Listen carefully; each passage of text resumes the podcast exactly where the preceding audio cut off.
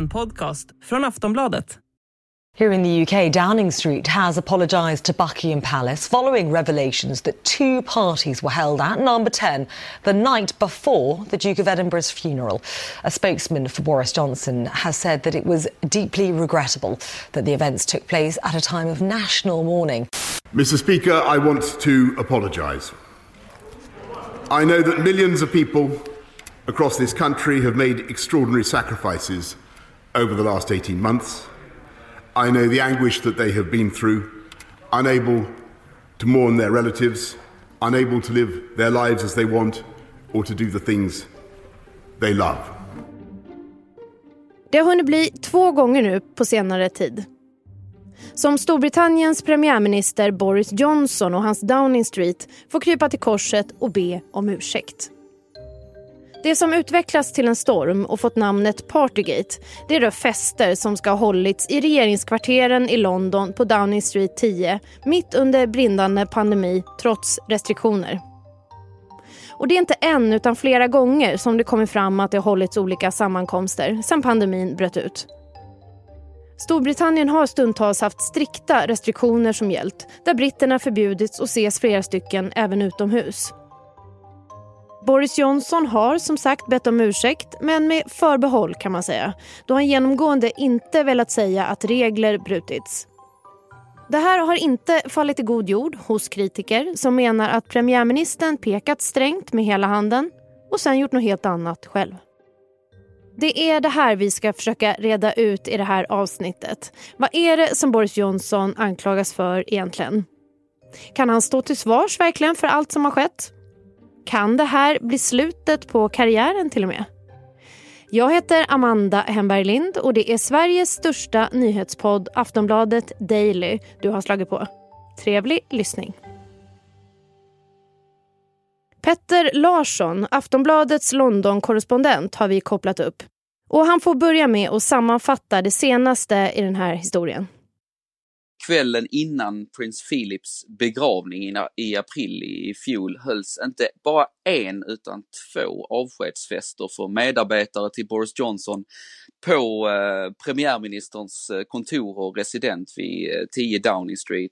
Och det var två personer som skulle lämna sina uppdrag och eh, man har ju flera gånger under de här eh, senaste anklagelserna kring Boris Johnson och festligheter som hållits på, eh, på Downing Street sett de här bilderna på drottningen där hon sitter ensam på en hel rad på, på begravningen när hon liksom ska ta sig farväl av sin eh, livsfrände och eh, liksom satte i kontrast till eh, Boris Johnson i någon slags jämförelse med liksom hur ledarskap kan se ut och hur man tar ansvar och, och visar exempel för, för folket. Och nu fick den här bilden en helt ny innebörd för nu är det faktiskt eh, drottningen som står som symbol för så många britter som under de här dagarna som, eh, som eh, det föregått fester eller sammankomster på Downing Street där man i övriga landet inte fått träffa andra, har haft anhöriga som har varit döende och som man inte har kunnat vara med på grund av de här restriktionerna och som man inte kunnat ta farväl av på en, på en ordentlig begravning. Så att eh, nu har eh, den här bilden på drottningen som sitter ensam eh, fått en helt annan och tyngre innebörd för, för folket. Ja men skandalerna de har ju avlöst varandra får man säga. Det här är ju inte det första då som, eh, som har hänt. Kan du sammanfatta lite vad som har hänt tidigare? Ja, det började ju i höstas med att det kom ett avslöjande om en julfest som hade ägt rum på Downing Street i december 2020 och bara dagar efter att Boris Johnson då gått ut och meddelat att allt julfirande skulle ställas in. Eh, och det fick ju en väldigt, eh, en del uppmärksamhet men det drog igång på riktigt sen när en film från Downing Street hade läckt ut där Boris Johnsons pressekreterare höll någon slags testpresskonferens och i den skojade om den här påstådda julfesten med sina kollegor. Och efter det så har det känts som att det varit minst en sån här eh, ny förbjuden sammankomst på Downing Street i veckan som läckt ut. Idag är det omkring 15 stycken som ska utredas. Ofta har det ut, ursäktats för att vara i jobbsammanhang, till exempel när han i, det kom ut en bild på när Boris Johnson och hans hans fru Carrie och eh, flera kollegor satt runt ett bord i solen i maj eh, 2020 och med en, en ostbricka på bordet och vin för att dricka. Men då sa de att eh, ja det här var eh, ett jobbmöte och eh, Eh, Eh, men, men det var i förra veckan också, eh, innan det här med prinsen, som ett mejl från en nära medarbetare till premiärministern läckte ut, eh, där man faktiskt bjöd in till att fi, njuta av det fina vädret i Downing Streets trädgård den 20 maj 2020 och uppmanade att man skulle ta med egen dryck. Det var det som liksom verkligen var konkret och Boris Johnson fick så mycket kritik att han var tvungen att gå ut och bad om ursäkt. Och den ursäkten Eh, bekräftar ju på något sätt att eh, att det har ägt rum och att han har deltagit i det och att det inte bara är folket runt omkring honom som har eh, kanske trätt över gränsen. Och eh, sen ska man väl säga också det som han sa i ursäkten att han menar ju att det var ett jobbevent fortfarande, eh, så att det var inte en hundraprocentig eh, pudel han gjorde eh, och menade att, eh, förklarade då att Downing Streets trädgård enligt honom ses som en förlängning av kontoret. Men det här är ju då samtidigt som resten av Storbritannien fick eh, träffa max en en person utomhus eh, från ett annat, liksom eh, en person från ett annat hushåll utomhus. Och eh, man fick i princip gå, bara gå ut om man skulle handla mat eller träna. Men det har ju eh, kommit väldigt mycket kritik mot det här, då, det som har hänt. Men att få kritik, jag menar, det hör ju inte till ovanligheterna. Det är ju oppositionens uppgift. Så, men det, det verkar vara av en annan magnitud nu när det har, har staplat skandaler på varandra, eller hur? Ja precis. Labourledaren Keir Starmer han står ju i parlamentet och kallar Boris Johnson ett patetiskt spektakel till man som nått vägs ände och måste ta sitt ansvar och avgå. Men det är ingen ovanlighet. Utan, men, men eh, just nu så är Boris Johnsons största problem att det finns många i det egna partiet som tycker att det gått för långt och det har varit det pratas om ett tvåsiffrigt antal Tory-ledamöter, någonstans mellan 10 och 20 stycken som eh, lämnat in ett brev om att de inte längre har förtroende förtroende för honom. Sen, måste det, sen krävs det 54 sådana här brev som ska lämnas in för att det ska bli en ny ledaromröstning i partiet, så det är en bit kvar. Eh, och man väntar ju då på, på vad utredningen kommer att, visa. Det är nu det som kommer att avgöra väldigt mycket hur eh, de andra ledamöterna eh, kommer att, om, de, om de kommer att få ännu mer stöd i det här. Eh, men sen så har det också krupit fram eh, efter att liksom den största chockvågen lagt sig lite så har ganska många nära ministrar till Johnson i kabinettet liksom gått ut och, och vågat eh, försvara Johnson. Och de berömmer honom för att han har tagit ansvar och bett om ursäkt och tycker att nu, nu går vi vidare och, och eh, Eh, eh, det har funnits andra nära medarbetare till Johnson som också har gått ut och, och liksom ber om ursäkt för sin del i de här händelserna och liksom kanske får minska liksom bördan på, på hans axlar. Men du är inne på det, du sa det precis, det här med utredningen. Den är ju på gång då. och Den har ju Boris Johnson hänvisat till flera gånger. V vad kan den visa? Vad handlar den om? Det är en utredning som tillsatts av Johnson själv, eh, som utförs av en statstjänsteman som heter Sue Gray som, som undersöker de här förhållanden kring dessa nu eh, 15 fall där regeringen och framförallt folk kring eh, Boris Johnson brutit eller misstänks ha brutit mot covid-reglerna som de själv, själva satt upp. Eh, resultatet kommer eh, kunna kanske presenteras i den här veckan redan men eftersom det hela tiden kommer in nya fall så, så kan det ju bli så att eh, det tar lite, lite längre tid än så. Eh, den här Sue Gray, hon ska vara väldigt professionell, ha en stor integritet och hon har beskrivits som en byråkratisk rottweiler som inte skulle tveka inför liksom att ställa Johnson mot väggen. Men det är ju fortfarande Johnson som själv har gett henne det här uppdraget att eh, utreda det. Så det blir ju lite, det finns ju fortfarande frågetecken kring hur mycket hon kommer att eh, våga pusha honom ändå eh, och, och liksom ställa till det för premiärministern. Men jag tänker det här som ska ha skett då, de här två festerna i ehm, förra våren då. Då ska ju inte Boris Johnson ha varit med på dem. Och Ja, Downing Street 10, det är ju, det är ju en jättebyggnad. Det är tusentals anställda. Kan man, kan man då begära att premiärministern ska ta ansvar eller ha koll på allt som händer där? Nej precis, allting som händer på, på Downing Street det är en stor byggnad, en stor trädgård. Boris Johnson har haft ett väldigt späckat schema de senaste året med, med, med pandemin och inte minst med Brexit som han jobbar för, har jobbat för att få igenom till ganska, ganska nyligen också.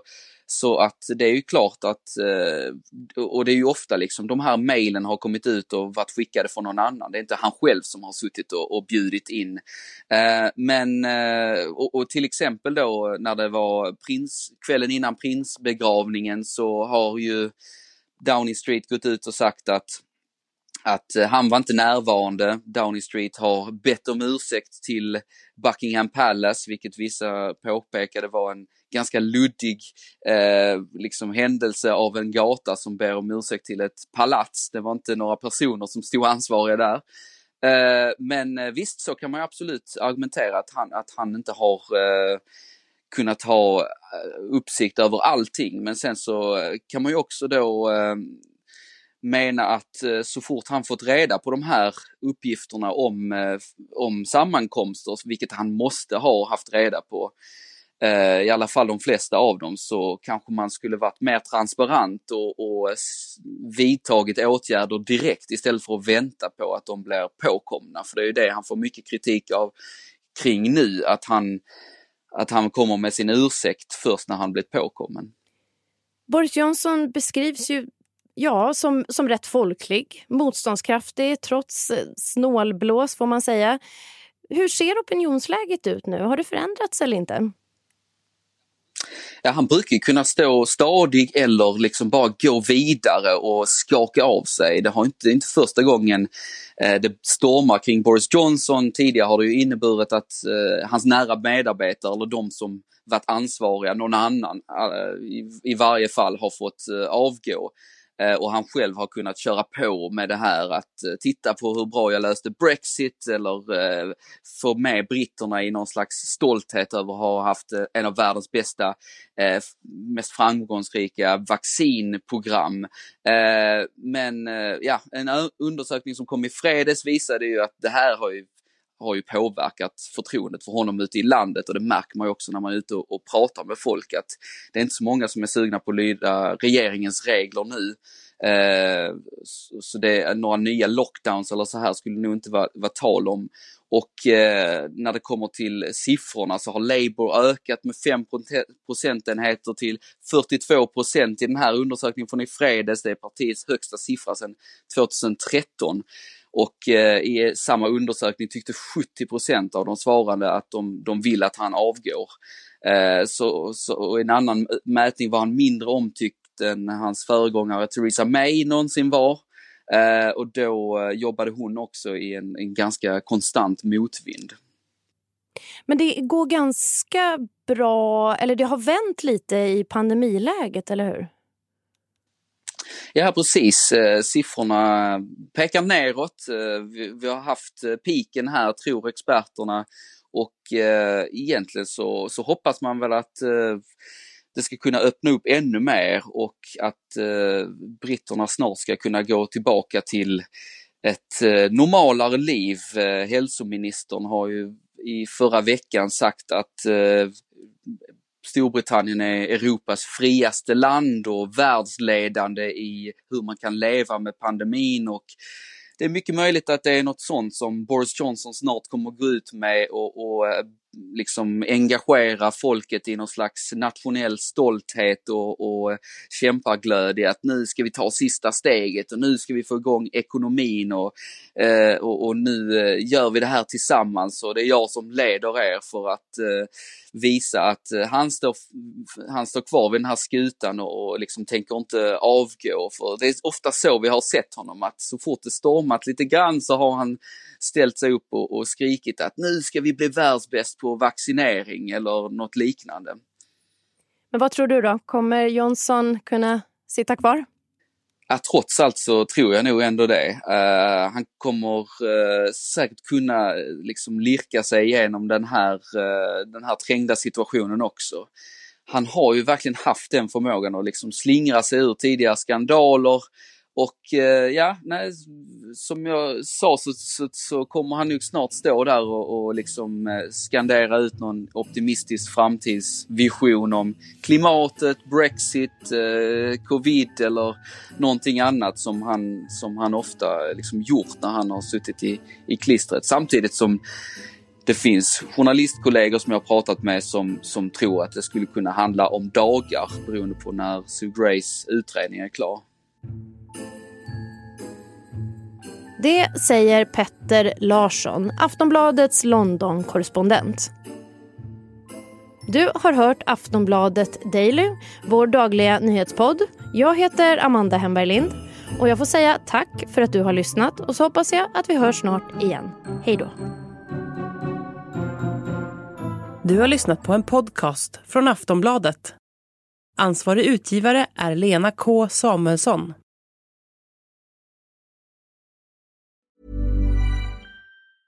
Ready to pop the question? The jewelers at BlueNile.com have got sparkle down to a science with beautiful lab-grown diamonds worthy of your most brilliant moments. Their lab-grown diamonds are independently graded and guaranteed identical to natural diamonds, and they're ready to ship to your door. Go to Bluenile.com and use promo code LISTEN to get $50 off your purchase of $500 or more. That's code LISTEN at Bluenile.com for $50 off. Bluenile.com code LISTEN.